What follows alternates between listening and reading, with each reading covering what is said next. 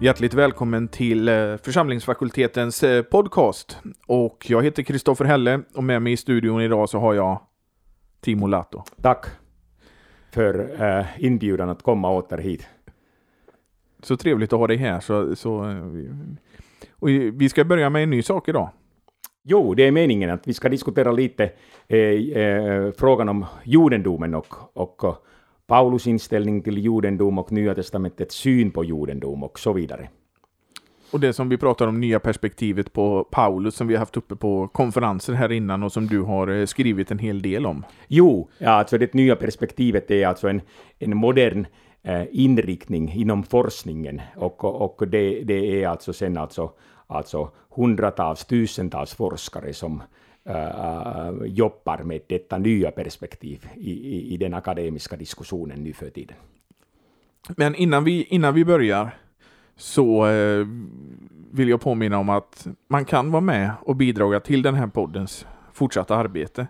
Och då kan man göra det på Swish och då är det nummer 123 100 8457 och så märker man det med FFG Podcast. Men om vi, om vi börjar så här då Timo. Vem var Paulus? Det är egentligen en mycket bra fråga. Alltså, vi vet alla att Paulus var en före detta farisé. Alltså han var uh, uh, en ivrig anhängare av en judisk uh, riktning som hette fariseism och som vi alla kommer ihåg äh, när vi läser evangelierna och när vi eh, äh, tänker på Jesu eh, stridsamtal med sina motståndare, ofta var ju dessa motståndare fariseer och, eller de skriftlärda eller saduceerna. Så att äh, Paulus var en, en, en, en sådan man före sin omvändelse. Och det, det, det, det är bra att börja med, med denna äh, äh, bakgrund. Pa Paulus hade en sån, sån bakgrund. Men eh, eh, eh, om, om, om vi säger så här. Vad var det för skillnad då på skriftlärda fariseer och saduceer? No, äh, många av de skriftlärda var fariseer. Och fariseer var alltså en mycket högaktad äh, judisk äh, riktning äh, då för tiden före templets fall år 70. Och um, det fanns alltså en stor grupp fariseer och sen fanns det också eh, de, eh, de som var anhängare av, av fariseismen. Och eh, um, um, många skriftlärda var uh, fariseer. Och sen sadduceerna, de var alltså en prästparti, ett prästparti och um, uh, de var sådana um, moderna låt oss säga liberala präster, Eh, de förnekade till exempel uppståndelse, de trodde inte på, på, på Guds ord eh, på det viset att, att, att hela gamla testamentet vore Guds ord. De, var, uh, de utgick ifrån eh, det att, att det är bara fem Moseböcker som, som har en, en sån gudomlig auktoritet. Att på det viset, om vi tänker på dagens präster. Alltså, alltså jag, jag, jag, tror att vi har vissa likheter med, med, med, eh, många präster i Sverige. De har också svårt att tro på Bibeln som Guds ord. De har svårt att tro på, på Äh, uh, uppståndelsen. De har svårt att tro på den dubbla utgången som betyder att, att, att man blir frälst eller icke frälst, man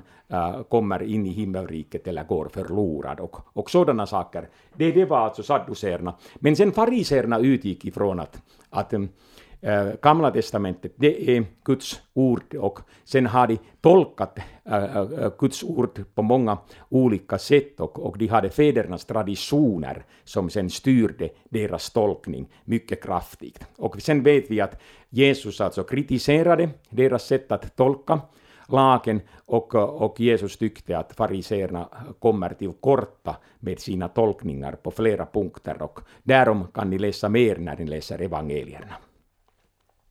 Men, och det, och det talas ju i Bibeln också om att både fariseer och saduceer och skriftlärare, de hade också sina lärjungar. Jo, det, det är sant. Eh, och uh, um, de ville sen alltså uh, förmedla den tradition som de gillade de ville förmedla eh, en sådan tradition vidare till sina lärjungar och sen naturligtvis sadduceerna som var eh, ett, ett slags prästparti, så eh, det var ofta så att, att det fick liksom, liksom i arv det, denna tradition eller, det, det, eller, eller, eller äm, äm, äm, denna tillhörighet. Så, så att, att det var så, exakt så. Och eh, Paulus, han var en farisé. Och eh, vi kan läsa i Apostlagärningarna att, eh, om en man som heter Gamaliel. Som eh, var... Han, han, han, är lite annorlunda måste jag säga i, i, i skriften. För han är en farisé som beskrivs som klok och, och eh, det, det, är inte så vanligt. Nej, nej, kanske inte eh, eh, så vanligt och, och, och faktiskt alltså i Apostlagärningarna där i början Äh, kapitel 4 kan vi läsa lite mer om Gamaliel och han fungerade som äh, ähm, Saulus, apostel Paulus äh, lärare före, före Paulus omvändelse. Och Paulus alltså har ähm, ähm, suttit vid hans fötter så brukade man säga. Det, det betyder alltså att, att, att Paulus, Saulus var alltså före sin omvändelse Gamaliels lärjunge. Och Gamaliel sen alltså ger detta goda råd i apostlagärningarna att när man sen började kritisera de, kristna och den kristna trosriktningen eh, och menade att, att vi ska utrota eh, hela eh, den kristna riktningen och döda förfölja alla kristna, så sa det Gamaliel klokt att, att gör inte så, utan, utan om, om, om det här kommer från Gud så kan ni inte förhindra det och, och, och, då kämpar ni emot Gud. Men om det här inte kommer från Gud så kommer denna kristna riktning äh, äh, äh, falla i glömska. Och det var ett råd som sen Saulus äh, före sin omvändelse inte ville följa. Utan vi vet alltså att han, han hatade de första kristna, han ville utrota dem och, och han gjorde faktiskt allt för att äh, äh, äh, röja hela kristendomen ur vägen. Och äh, på det viset kan vi säga att, att, att Saulus före sin omvändelse var inte eh, lika klok som hans lärare, utan Paulus uh, gjorde många sådana saker som hans uh, lärare inte ville, inte accepterade. Och, och, det är ju faktiskt så att i skriften så fariseerna och de skriftlärda, de beskrivs verkligen inte positivt. Nej, det, det finns alltså, äh, särskilt i Matteusevangeliet äh, skildrar evangelisten fariseerna uh, um, mycket djärvt och ofta, ofta på det viset alltså att, att, att, um, att det, det är alltid något fel uh, hos dem.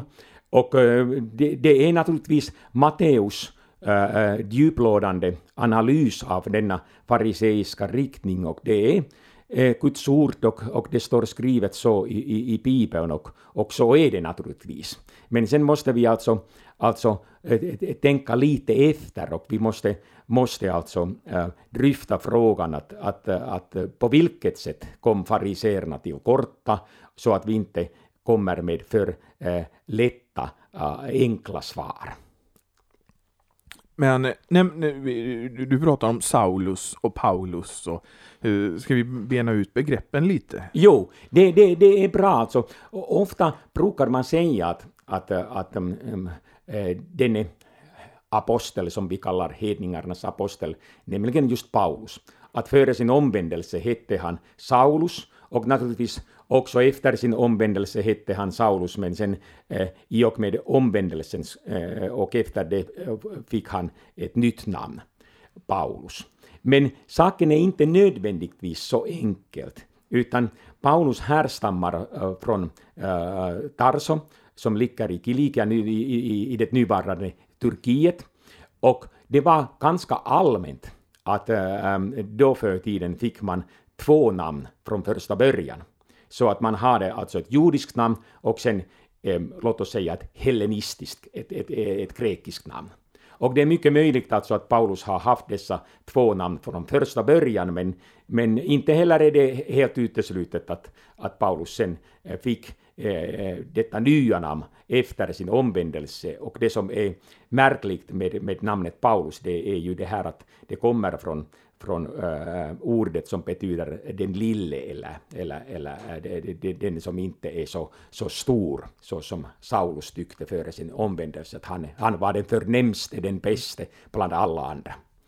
Men, men vi, vi märker ju innan att till exempel Jesus ger ju nya namn till, till eh, Simon blir Petrus och, och, och så, så att det, det finns ju en sån. Jo, det, det, det, det kan vara och, och, på det här viset också i Paulus äh, fall, där har du rätt och, och så skulle äh, detta namn Paulus alltså, alltså ge uttryck för, för, för en förändrad attityd, att nu, nu är Paulus inte mer som sagt den förnämste, den bäste, utan, utan äh, Jesu Kristi tjänare eller Jesu Kristi slav enligt, enligt den grekiska texten och, och han är den äh, största syndaren och, och, och den, den minste av alla.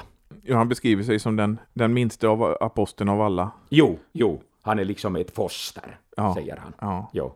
Eh, men du nämnde nu omvändelse.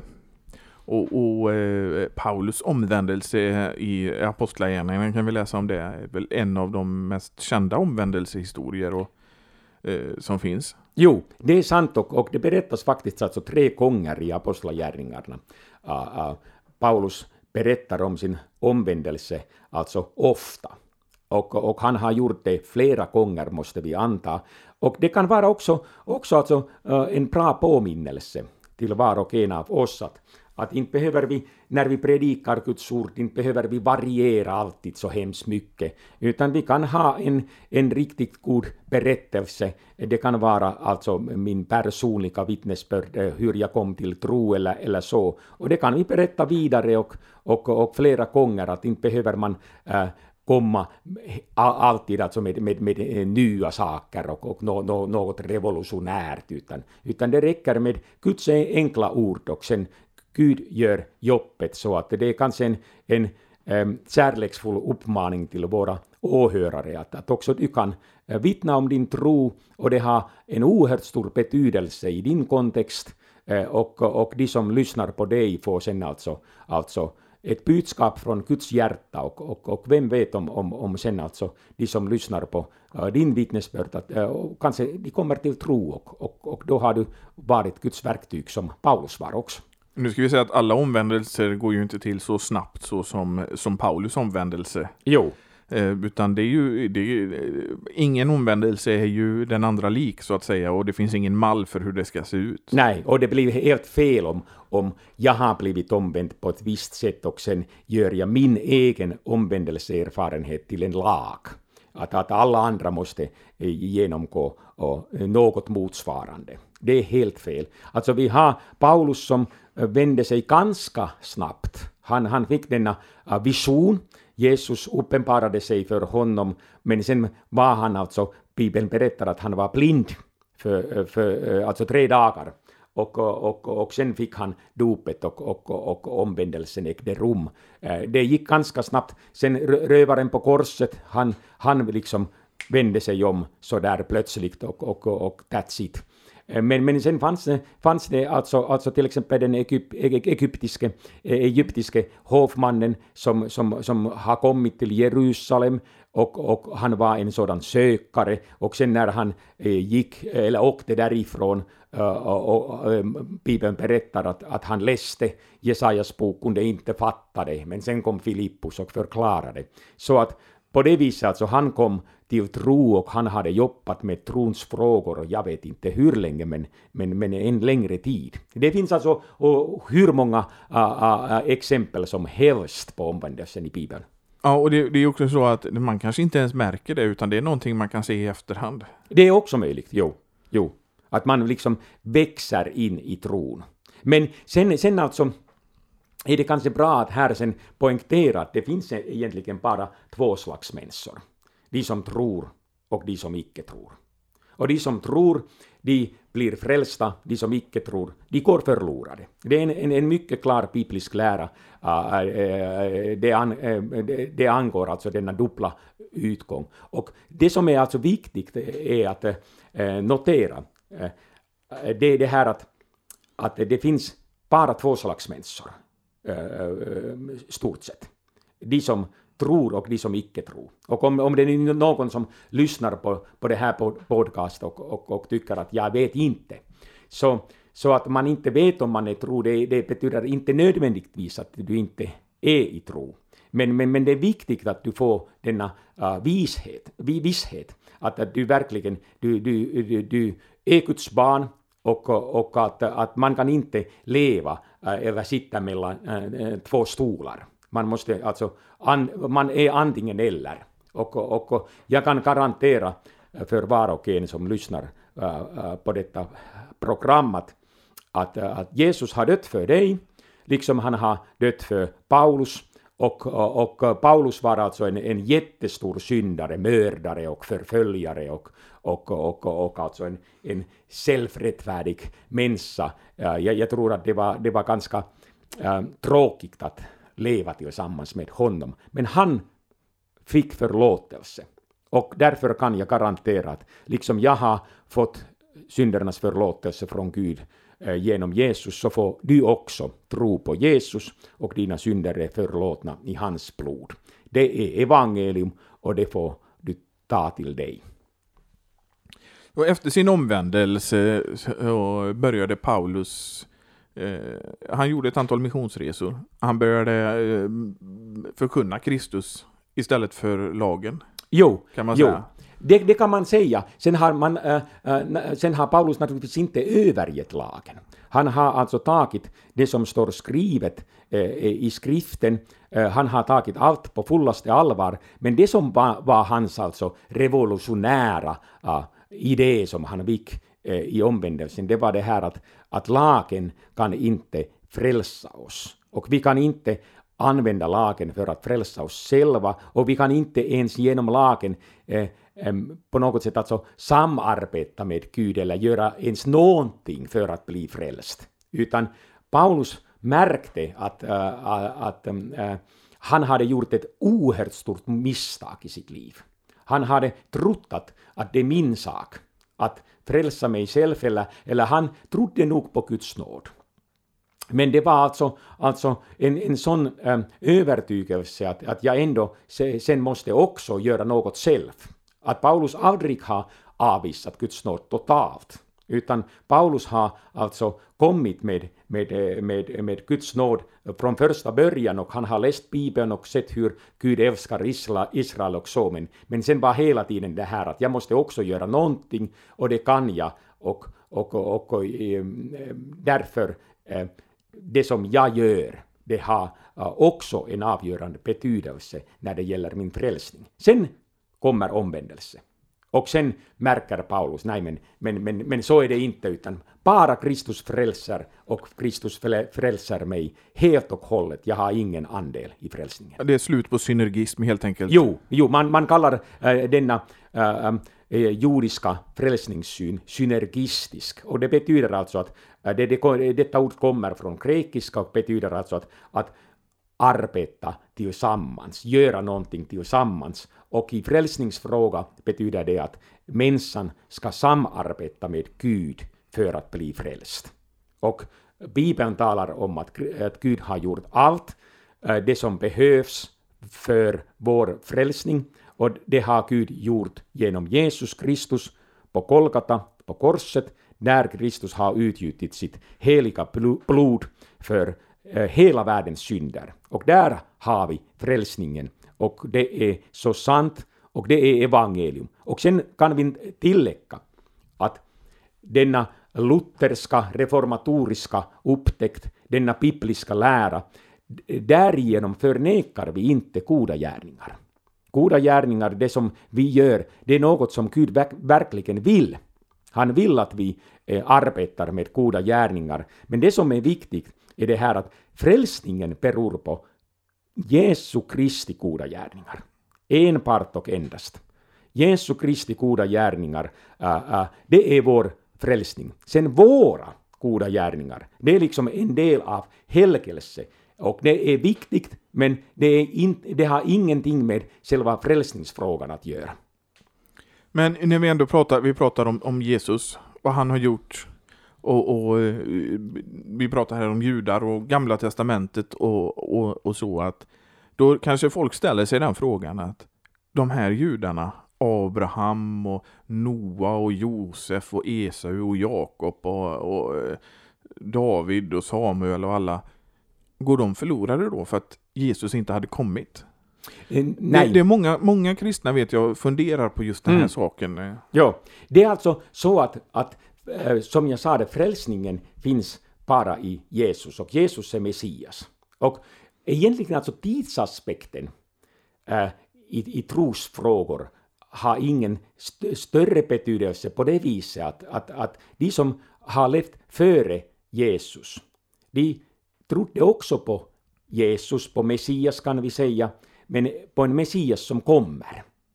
Och vi som lever efter Jesus, vi tror på samme Jesus, på samme Messias, men nu säger vi att han redan har kommit. Så att på det viset alltså är det, eh, finns det ingen skillnad mellan tro och tro, utan frälsningen är eh, av tro till tro, av den gammaltestamentliga tro till den nytestamentliga tro, av den tro som sätter sin tillit till den kommande Messias, och sen den tro som sätter sin tillit till den Messias som redan har kommit. Ja, det är en viktig aspekt att säga och, ta upp för att det är många, många kristna funderar på de här sakerna och tycker att det är svårt. Jo, jo och jag hoppas att, att nu, nu, nu fick du, käre åhörare, nu fick du denna sanning så att, att, att du kan hålla det eh, i minnet, hoppas jag. Eh, men Paulus, eh, han började skriva brev. Han reste runt och skrev brev till de här, eh, både församlingar som han hade grundat själv, eller varit med och grundat med både andras och framförallt Guds hjälp. Men också andra församlingar som var under uppbyggnad. Jo, och det har med, med Paulus um, um, självkänsla, känn- självkännedom uh, eh, att göra. Alltså Paulus uh, har fått uppdraget att, uh, från Jesus att, att fungera som hedningarnas apostel. Och det är i absolut mening. Och här betyder alltså hedningar alltså uh, uh, inte samma sak som i vårt språkbruk. Vi brukar tala om hedningar, uh, de är hedningar som är icke-kristna. Men uh, i Bibeln alltså hedningar är de som är icke-judar. Och de kan vara också troende hedningar eller icke-troende, men hedningar är de som är icke-judar. Och Paulus som jude, han fick från Jesus uppdraget att fungera som hedningarnas apostel. Och som sagt i absolut mening. Så att Paulus är alltså alla hedningarnas apostel.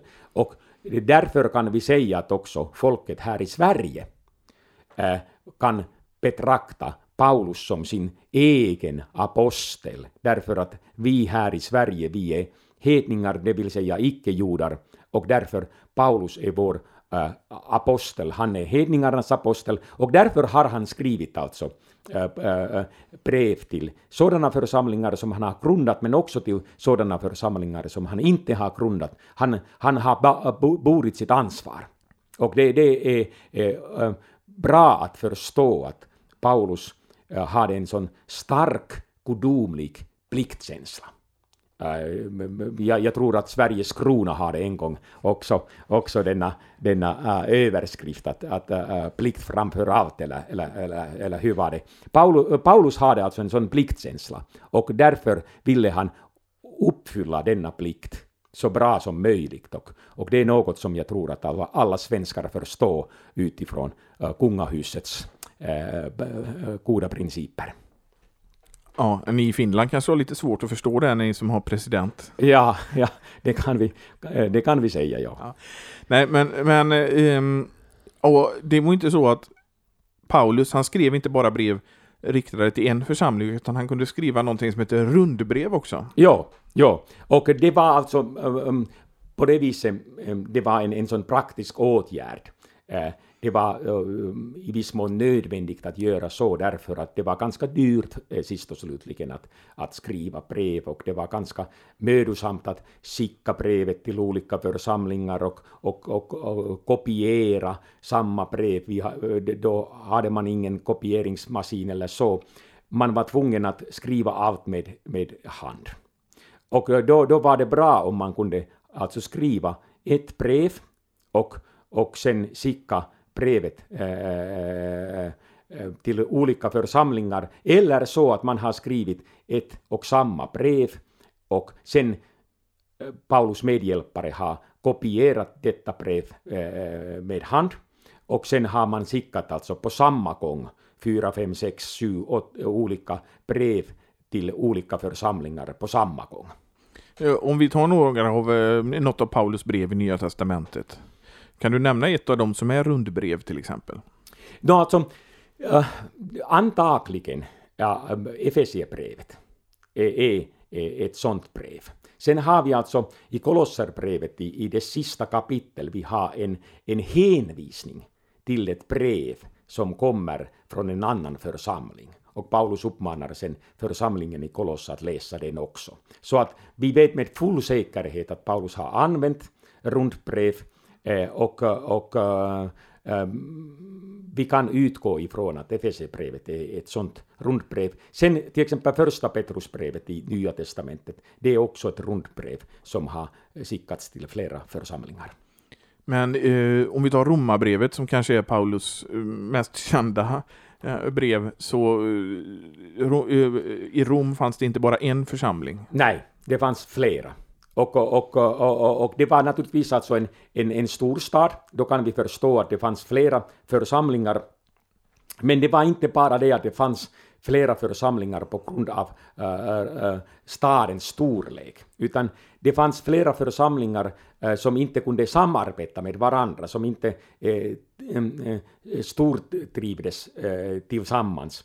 Och orsaken till det där var sådana äh, ganska konstiga äh, frågeställningar enligt vårt sätt att se att, att äh, man kunde äh, inte ena sig i frågan vad ska vi äta? Ska man, man äta bara grönsaker eller, eller kött och ska man dricka vin eller inte? Det var sådana ganska små saker tycker jag, men äh, ändå åstadkom dessa ähm, ähm, strider äh, det att nej, vi kan inte, inte Eh, bilda en enda församling eller en enda kyrka.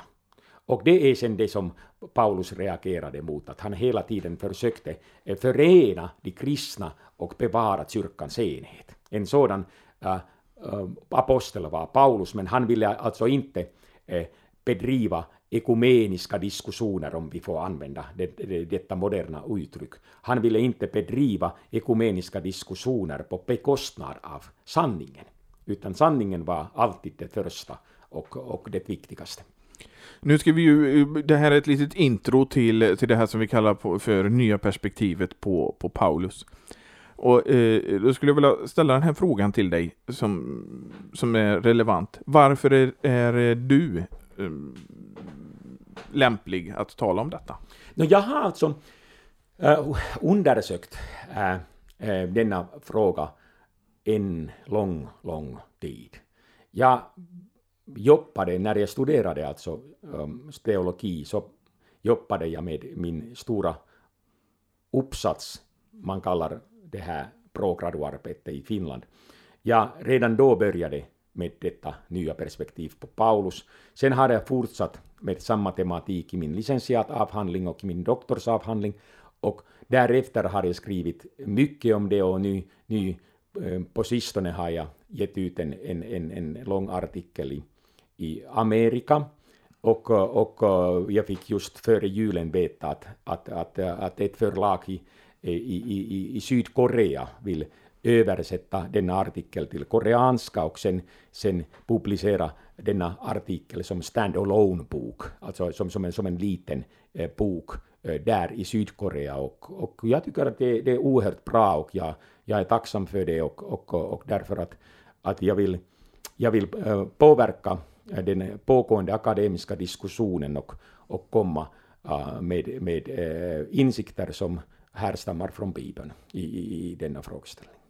Och du medverkar bland annat i en artikel i församlingsfakultetens tioårsskrift. Jo. Som är, ja den är över 15 år nu. Um, jo. Om, om detta också. Jo, jo men, men, men det är på sätt och vis fortfarande mycket aktuell därför att denna samma diskussion pågår. Naturligtvis har äh, diskussionen utvecklat sig och, och det har kommit nya nyanser och, och finesser och många nya forskare har hoppat in och, och några har avlidit eller hoppat av och, och så. Eh, eh, eh alltså, um, denna akademiska um, världen förändrar sig hela tiden, men, men, men, men, men samma diskussionsämne eh, har vi fortfarande. Och det, det, det är alltså tusentals forskare som, som skriver om det här och, och det, det, det är något som verkligen alltså fascinerar folket eh, i den akademiska världen.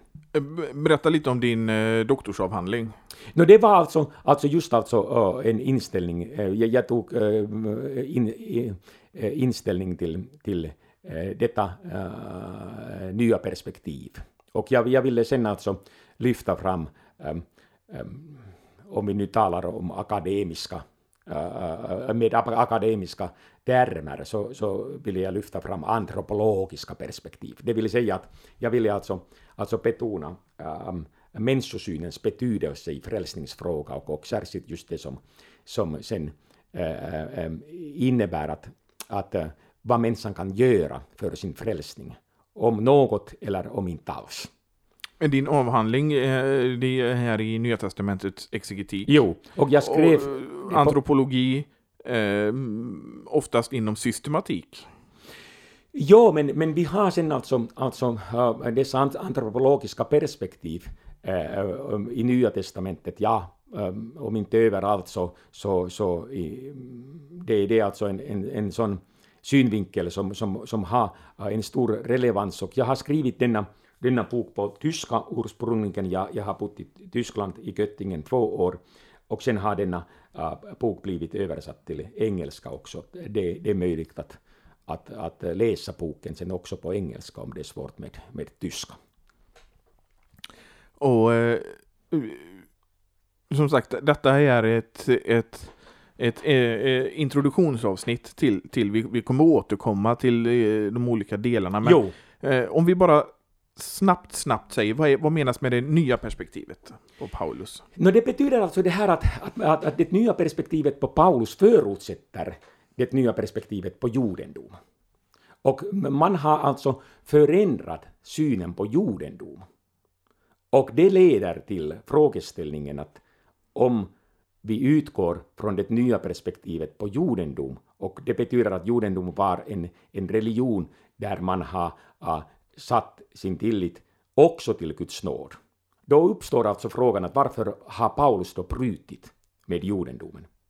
Och och äh, vi kan säga alltså att det nya perspektivet förutsätter det nya perspektivet på judendom. Och det är sen alltså, alltså en, en frågeställning som hänger ihop med, med andra världskriget och holocaust naturligtvis. Och sen äh, det har eh, alltså äh, vissa aktuella äh, synfallsvinklar som, som gäller dagens antisemitism och, och, och det här, här alltså det, denna akademiska diskussion är liksom en härva som, som, som uh, lutar hit och dit och, och åt olika håll och um, det är många aktuella problem som förknippas med det här. Eh, du nämner antisemitism. Vad är det? Antisemitism är alltså, alltså uh, en eh, eh, eh riktning, en, en, en, en tankeriktning eh, som um, avvisar judendom eller riktar sig mot judendom. Och um, man måste alltså ganska klart definiera begreppet antisemitism för att inte missbruka det. Ofta säger man till exempel det här att när Nya testamentet kritiserar judendom, att Nya testamentet redan är antisemitiskt. Men då ska vi alltså komma ihåg att antisemitism äh, bygger på äh, en rasbiologi. Att, äh, att då, då alltså äh, utgår man ifrån att, att det finns alltså äh, äh rasbiologiska förutsättningar i, i, i, i världen och judendomen, eller judarna, representerar äh, den sämre människotypen. Och naturligtvis, Äh, Nya testamentet har ingenting med, en, äh, med, med, med äh, antisemitism att, göra. Där har vi ingen sådan rasbiologisk utgångspunkt, utan alla vi är skapade till Guds avbild. Judarna och vi hedningar likaså. Och, och sen, sen kan antisemitism också utgå ifrån en nationalistisk tanke. Och det har också alltså ingenting med, med Nya Testamentet att göra. Det, det är alltså, alltså bara bluff om man säger att Nya Testamentet är antisemitiskt. Det, det stämmer inte alls överens. Men, men det, det är också Eh, konspirationer som man, man förutsätter inom, som, som ofta lätt blir antisemitiska. Ja, det är det alltså sådana uh, konspirationsteorier som, som är ganska populära nu för tiden, särskilt nu för tiden, att, att, att har astronauter någon gång varit på månen eller, eller, eller, eller att, att eh, vem, vem som eh, står bakom World Trade Center katastrof och, och, och det, det är alltså hela tiden sådana eh, fantasifulla teorier.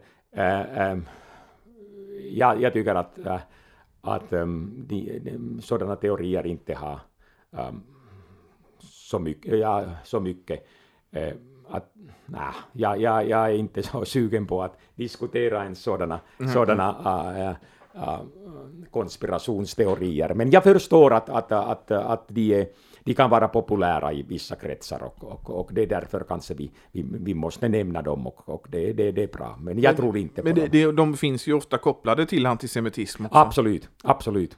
Men, men sen om vi kommer alltså tillbaka till Paulus, då, då vill jag ännu alltså, alltså understryka det att, att, att eh, före templets fall 70 eh, då fanns alltså inom judendomen dessa olika kretsar. Vi har redan nämnt alltså fariseism, och Paulus tillhörde denna riktning före sin omvändelse. Sen hade vi sadduceerna och vi har, vi har de skriftlärda och sen har vi eh, eh, denna eh, konstiga sekt, Qumran-sekt, esseerna. Och, eh, så att judendomen var alltså en, en religion som hade många olika riktningar. Och när sen Paulus har, ah, kommit till tro så uppfattade han aldrig att han lämnade bakom sig judendom. Utan han fortfarande var en jude, fortfarande hade en judisk tro, men inte mer än fariseisk övertygelse. Han blev, om vi kan använda ett modernt uttryck, han blev en messiansk jude, men fortfarande han var en jude. Och därför alltså att om vi säger att, att eh, om någon anklagar Paulus att när han kritiserar judendom att han var en antisemit. Det är eh, inte alls så, utan ähm, Paulus själv var en jude och också efter sin omvändelse var han en jude och han kan inte vara mot sig själv på det här viset. Och om ni läser sen alltså Apostlagärningarna så kan ni notera att, att i, i, i Apostlagärningarna talar man om den kristna riktningen som Nazareernas väg eller som en väg och det är liksom en väg inom judendom. Eh, och eh, en, en judisk eh, eh, eh riktning. Eh, och om, om, sen, sen om vi alltså, sen alltså läser apostlagärningarna, vi, vi ser att judarna gjorde sen alltså propaganda mot denna tolkning. De, de ville alltså betrakta de kristna som icke-judarna. Eh, eh, och så att, att de har lämnat bakom sig judendom. Och sen berättas det också i Apostlagärningarna att kejsare Claudius äh, blev fred på alla judar därför att de äh, äh, åstadkom bråk och strider i Rom, i huvudstaden Rom, på grund av en man som hette Krestus, det vill säga Kristus. Och han har sparkat ut alla judar äh, från Rom och Sen vet vi att också de kristna var tvungna att lämna Rom. Till exempel Priska och Aquilla äh, i Apostlagärningarna. Och det, det vill säga det här att kejsaren Claudius inte kunde göra en skillnad mellan de kristna och judar. Alla de tillhörde en och samma religion. Men sen när vi kommer till Nero, ungefär 15 år senare, då märker vi att när äh, äh, Nero kommer sina, med sina anklagelser, han säger att just de kristna har antänt Rom i eld. Och han kan redan göra denna skillnad mellan de kristna och judarna och han kan anklaga de kristna men sen inte judarna. Så att vi kan alltså se, se att, att, att äh, detta judiska propaganda, om vi får nämna äh, äh, äh deras propaganda på, på, på, på, på, på detta sätt, att det slog igenom ganska snabbt. Kejsar Claudius har ingen aning om skillnaden mellan de kristna och judarna, men sen kejsar Nero har redan denna uh, skillnad. Men, men jag säger det här bara så att, att vi, vi, vi alltså ofta utgår ifrån att Paulus har omvänt sig och han blev kristen. Ja, på sätt och vis ja, men utifrån ett annat perspektiv nej. Han blev alltså en messiansk jude som trodde på Jesus, men han fortfarande var en jude. Men, men det, det, det som man eh, även talar om idag, det är ju att judendomen, det är ju både en religion och så är det en folkgrupp. Jo, och, och ehm, ehm, det är, ehm, det har en viss sanning, tycker jag. Eh, sen naturligtvis alltså olika människogrupper har, eh, eller det har varit alltså människor som har konverterat till judendomen och, och, och judendomen eh, har i viss mån sammanblandats med, med någon människogrupp eller så. Men, men det är nog sant att, att, att juden, judarna alltså på sätt och vis alltså representerar en egen människogrupp. Och det är märkligt att denna äh, äh, äh, äh människoskara har kunnat bevara sin religiösa, nationella och, eh, och genetiska identitet därför att vissa sådana sjukdomar, jag är ingen expert eh, på, eh, ingen läkare och ingen expert på det området, men vissa sjukdomar till exempel är sådana som förekommer närmast bland jordar, jordarna, sådana jättesällsynta sjukdomar. Och då kan vi alltså säga att, att, att det, det är no, något genetiskt arv där som, som fortfarande tycks luta åt det hållet att, att denna människogrupp är, en, en, en, en särskild människogrupp. Och sen kan vi naturligtvis också hänvisa till det här att, att ungefär 25 procent av alla nobelpristagare är judar. Så att där finns alltså kapacitet, där finns alltså något som fortfarande eh, måste tilltala var och en, eh, varje människa som tänker Eh, och, och, och börjar dryfta frågan på ett djuplådande sätt och inte, inte bli offer för, för, för ett billigt propaganda.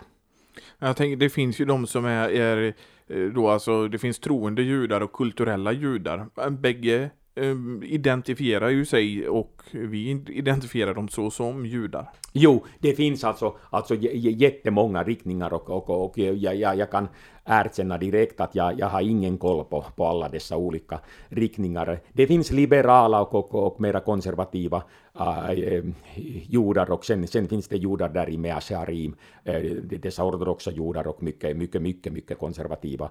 Och, och, och så att att ähm, en bra fråga och, och någon som, som vet bättre, han kan komma med ett bättre svar, men, men, men, men det här är ett faktum. Men det, det finns ju så också, att kulturellt kristna, de, eh, man går i kyrkan ibland och, och, och man, så att det är ju, det, det är ju en helt naturlig del av vårt samhälle. Jo, och sen, sen kan vi också, också alltså notera det här att, alltså att, att, att, att, att vi har till exempel eh, i Bibeln, alltså vi har, ah, om vi läser Gammaltestamentets profet, profetior, vi kan se att Gamla testamentets eh, profeter alltså mycket eh, eh, eh starkt kritiserade judarna. Och, och, och då om vi ställer alltså frågan att var de antisemiter? Naturligtvis inte. De var judar. Men vi har denna ah, inre diskussion, intern diskussion som pågår bland judarna, liksom idag. Vi har olika judiska grupper som diskuterar med varandra. Och sen alltså när, när vi eh, eh, eh, eh läser till exempel det som Johannes döpare och också Jesus säger om judarna. De kan till exempel säga så här att ni huggormsyngel. Och många tänker att det här är nu antisemitiskt, men det är inte. Det är alltså en intern diskussion och det är liksom syskon i familjen som diskuterar med varandra och då kan man alltså slänga ut nästan vad som helst. Men, men att, att um, vi, vi, vi får alltså inte tolka sådana texter i Bibeln som antisemitiska texter. Äh, det, det är tvärtom judarna som diskuterar med andra judar.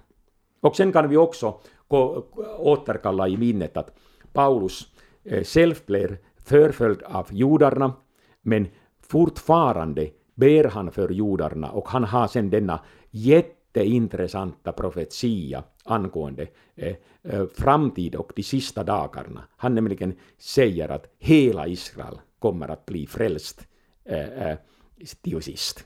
Och vad det betyder, det är en intressant fråga, det kan vi diskutera eh, mer kanske senare, men, men att, eh, att eh, där ser vi alltså att en antisemit skulle aldrig säga så och, och be för Israel att hela Israel ska bli frälst.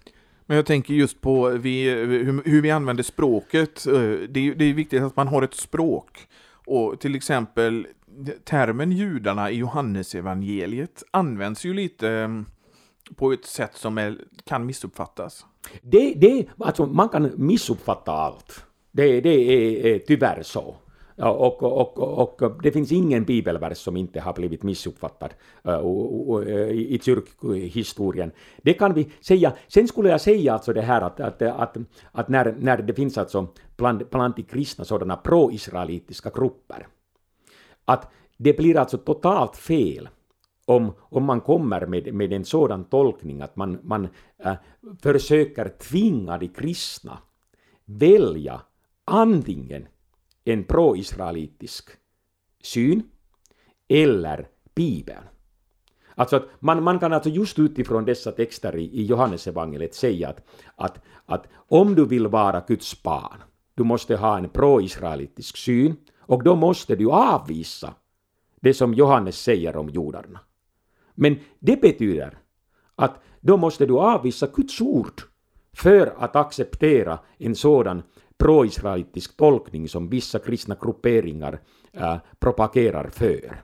Och jag tycker att det är alltså så fel att vi kan inte alltså äh, välja äh, mellan pro-israelitisk syn och, och Bibeln, utan Bibeln har rätt, Bibeln är Guds ord, det är sanning. Och sen äh, märker vi att Bibeln inte är, är en antisemitisk bok och Bibeln talar om Israel som Guds folk man brukar säga efter köttet, på grekiska katasarkat, att Israel är Guds folk katasarka efter köttet, men, men Guds äh, egendomsfolk är det folk som genom tron eh, tillhör äh, Jesus Kristus, judarnas Messias.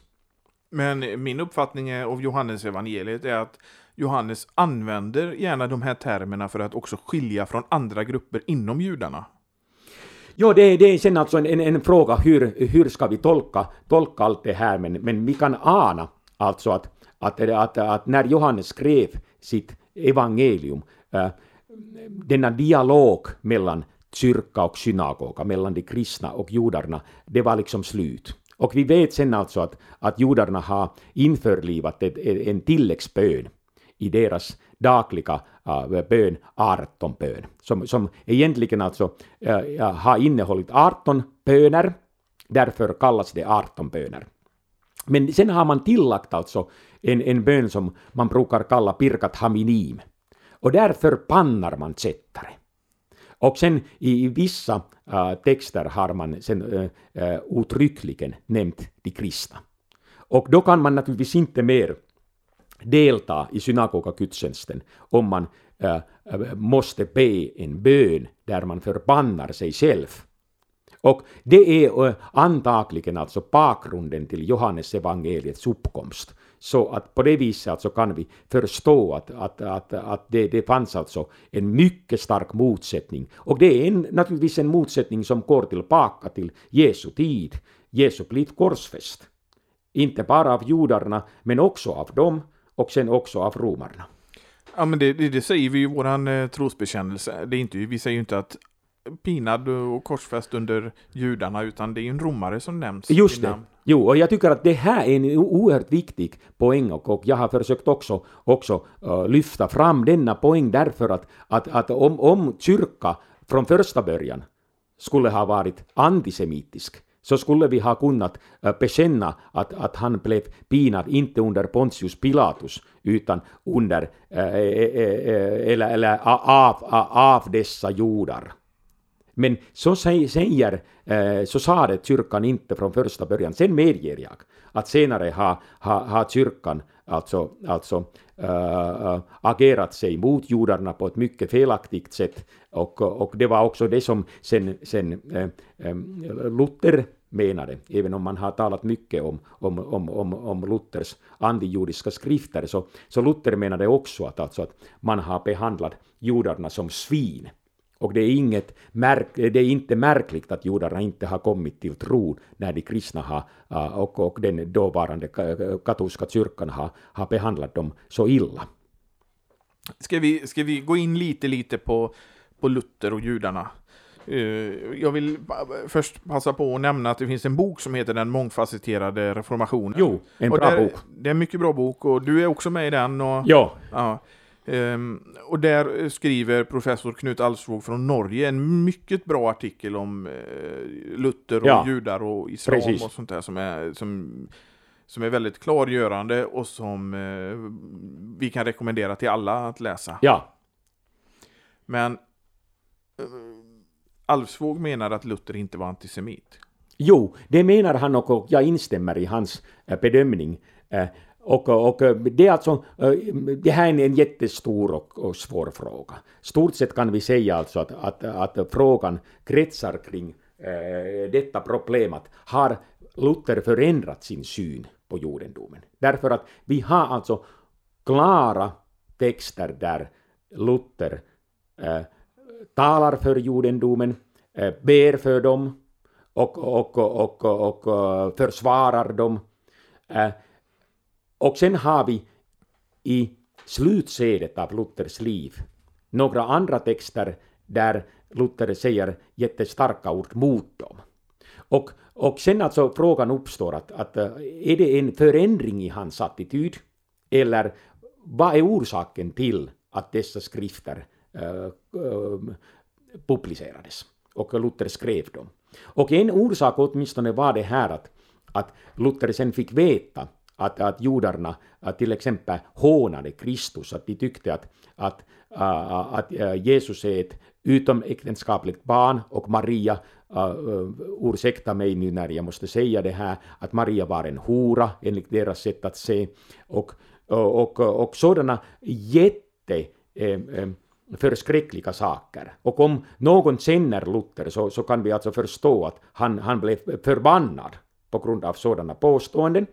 Och sen alltså, Luther menade alltså, alltså det här att om man kommer med så uh, uh, uh, obibliska och, och, och, och gudlösa påståenden, att, att, att då, då måste man alltså, alltså uh, ta bort allt det som, som, som ger uttryck för sånt. Men sen om, om du läser till exempel äh, Luthers äh, inledning till Stora kateses, där säger han också alltså att man borde riva ner kloster. Därför att äh, där i, i klostret, där äh, äh, händer allt möjligt och sådana godlösa saker som vi nu för tiden har läst i tidningarna. Så att, att och Luther och de lutherska bekännelseskrifterna säger att, att, att, ähm, att, att folket äh, äh, i allmänhet är, är, visar alltså bestörtning på grund av det som pågår bakom klostermurarna. klostermurarna. Och, och, och, och, och, då har Luther samma inställning att, att sådana gudlösa platser måste man riva ner. Så att, att, att jag vill alltså inte nu säga att jag, jag, jag förespråkar varken det ena eller det andra. Men, men jag kan förstå Luther på det viset att han var Luther, han, han hade alltså en sån äh, människonatur, äh, han ville alltså helga Guds ord äh, och det var hans stora ambition. Och sen alltså, om man sen alltså kom med oerhört stora kodlösa påståenden eller, eller sådana praktiska åtgärder, så tyckte Luther, i enlighet med dåtidens sätt, att då måste man alltså, alltså riva ner huset eh, och, och, och, och, och eh, ta bort denna äh, äh, styckelse. Det, det var alltså dåtidens sätt och, och, och, och äh, jag, jag, jag, lämnar alltså på det viset frågan lite öppen. Eh, hur ska vi tolka sen Luthers helhetssyn på judendom? Men eh, i den här boken som du nämnde, där, där alltså har vi en mycket eh, bra eh, vetenskaplig artikel som visar att Luther åtminstone inte var en antisemit, liksom inte heller Paulus eller Jesus eller Gamla testamentets profeter. Men, men i beaktande till detta så tycker jag också att vi ska ta hur Luther uttryckte sig. Han var väldigt hård i mun. Absolut. Som är främmande jo. för oss idag. Jo, absolut. Tänk bara på vad han skrev till Erasmus. Jo, jo. Att han ifrågasatte om han ens kunde läsa och jo. Det, var, det var väldigt grova saker och han var, Luther var ju upprörd. Jo. Och det förstår man om man ser vad Luther har varit med om så kan man också förstå hans upprördhet. Absolut. Och, eh, och alltså eh, delvis alltså eh, kan vi också tänka på dåtidens äh, akademiska diskussioner, då har man använt alltså, alltså äh, ett annorlunda språkbruk som äh, än ny, ny för tiden. Men, men, men, men det, det, det, förklarar inte allt, utan, utan sen måste vi tillägga att Luther var alltså äh, en person skild för sig. Och, och han, han var också själv medveten om att, att han äh, talar äh, då och då äh, äh, för mycket eller åtminstone använder för hårda ord. Men, men sen alltså att, att det var sen alltså Luther var också medveten om det här och, och det kan vi se i hans produktion att han var mycket noggrann med Guds helighet. Och med det här att, att vi får inte komma med sådana läror, med sådana praktiska åtgärder som vanhelgar Guds namn. Och om man gör det med vett och alltså, alltså mycket medvetet och, och, och, och hela tiden, då såg Luther ingen annan lösning än, än det här att, att man, man måste då alltså, alltså äh, sätta punkt och stopp, man kan inte fortsätta så. Och, och då kommer Luther med, med dessa äh, djärva uh, uttalanden. Men, men det som nu, alltså vi har redan, alltså all, alla åhörare har hört här, alltså att, att, att Luther har inte använt ett sånt grovt språkbruk, inte bara med, eh, mot jordarna, utan, utan han har använt eh, ett likadant språkbruk också mot Erasmus, mot eh, munkarna, mot påven, mot, ja, mot vem som helst. Vederdöparna. Jo, absolut. Så, så att, att, att, att, att, på det viset tror jag att det vore klokt att, att, att, att, att sätta alltså dessa olika uttalanden i, i, i, de, i dåtidens kontext. Men jag vill inte försvara ett sådant språkbruk. Det, det är inte min mening. Men det var också, som du nämnde, akademin på den tiden var ju annorlunda. Jo. Det, var, det var ju, eh, någon måste vinna den här diskussionen. Eh, så är det ju inte idag, och speciellt inte i Sverige där vi söker konsensus. Jo, det, det är just alltså, det, det, det här problemet egentligen ligger alltså idag, alltså akademiker är jätteförsiktiga. Att man är egentligen, eh, man vågar inte säga så hemskt mycket egentligen, eh, och även om, om akademin eller universitetsvärlden borde ha den akademiska frihet och, och, och, och, möjligheten att undersöka vad som helst och, och också i viss mån säga nästan vad som helst, bara, det är, är, är, bara den har en vetenskaplig grund. Men, men nu för tiden, alltså man är oerhört försiktig och, och, och, och ju, om, om, om, om, om du får anställning som professor så ofta alltså det betyder att, att du, du blir ännu försiktigare. Men på Luthers tid alltså, alltså det var det här att man var ute efter sanningen. Och det kan vi kanske inte förstå i en postmodern värld. Att hur kan någon vara så mycket ute efter sanning? Men då för tiden var man och då har man arrangerat i akademiska sammanhang så kallade disputationer. Man har disputerat äh, med varandra. Och då var också ofta äh, också meningen att, att det bara alltså är, en kille som kommer därifrån som vinnare. Och, och då, då har man alltså försökt alltså använda nästan alla möjliga äh, argument och, och knep för att, att, att vinna disputationen.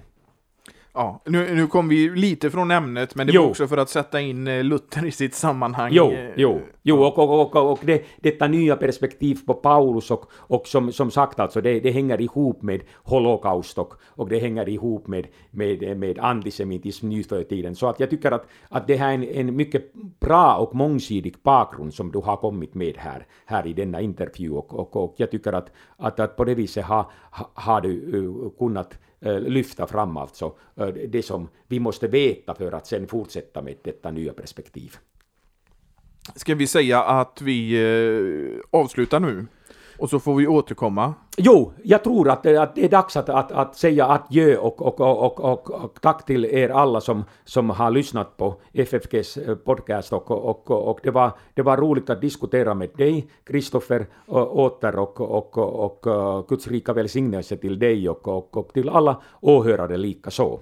Och, och vi tackar ju dig Timo som har kommit ända från Finland hit bara för att göra det här. Ja, ja det, det är roligt. Jag kommer gärna också nästa gång eh, om, om Gud vill. Och vi ska väl påminna om att, eh, jag har inte datumet i huvudet, men det har väl du hoppas jag, att vi har snart bibelkonferens här.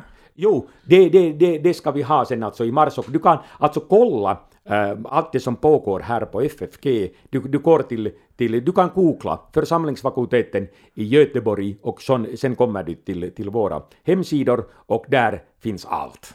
ffg.se. Jo, ffg.se. Ja, och det, det, ja, det här finns. Och eh, vi rekommenderar bibelkonferensen om eh, treenigheten. Jo, välkommen. Och eh, är det så att du vill bidra till den här poddens fortsatta arbete så går det bra att göra det på Swish. Då är det nummer 123 100 8457. Och så märker man det med vad Timo? FFG Podcast skriver man i meddelandet. Just det. Jo, tack. Eh, och ehm, ja, jag heter Kristoffer Helle. Och jag heter Timo Lato och det var roligt att diskutera med dig, Kristoffer. Tack. Och vi, ser, vi återkommer i denna serie om Ja, nya perspektivet meningen. på Paulus. Jo, Ja, hej. hej.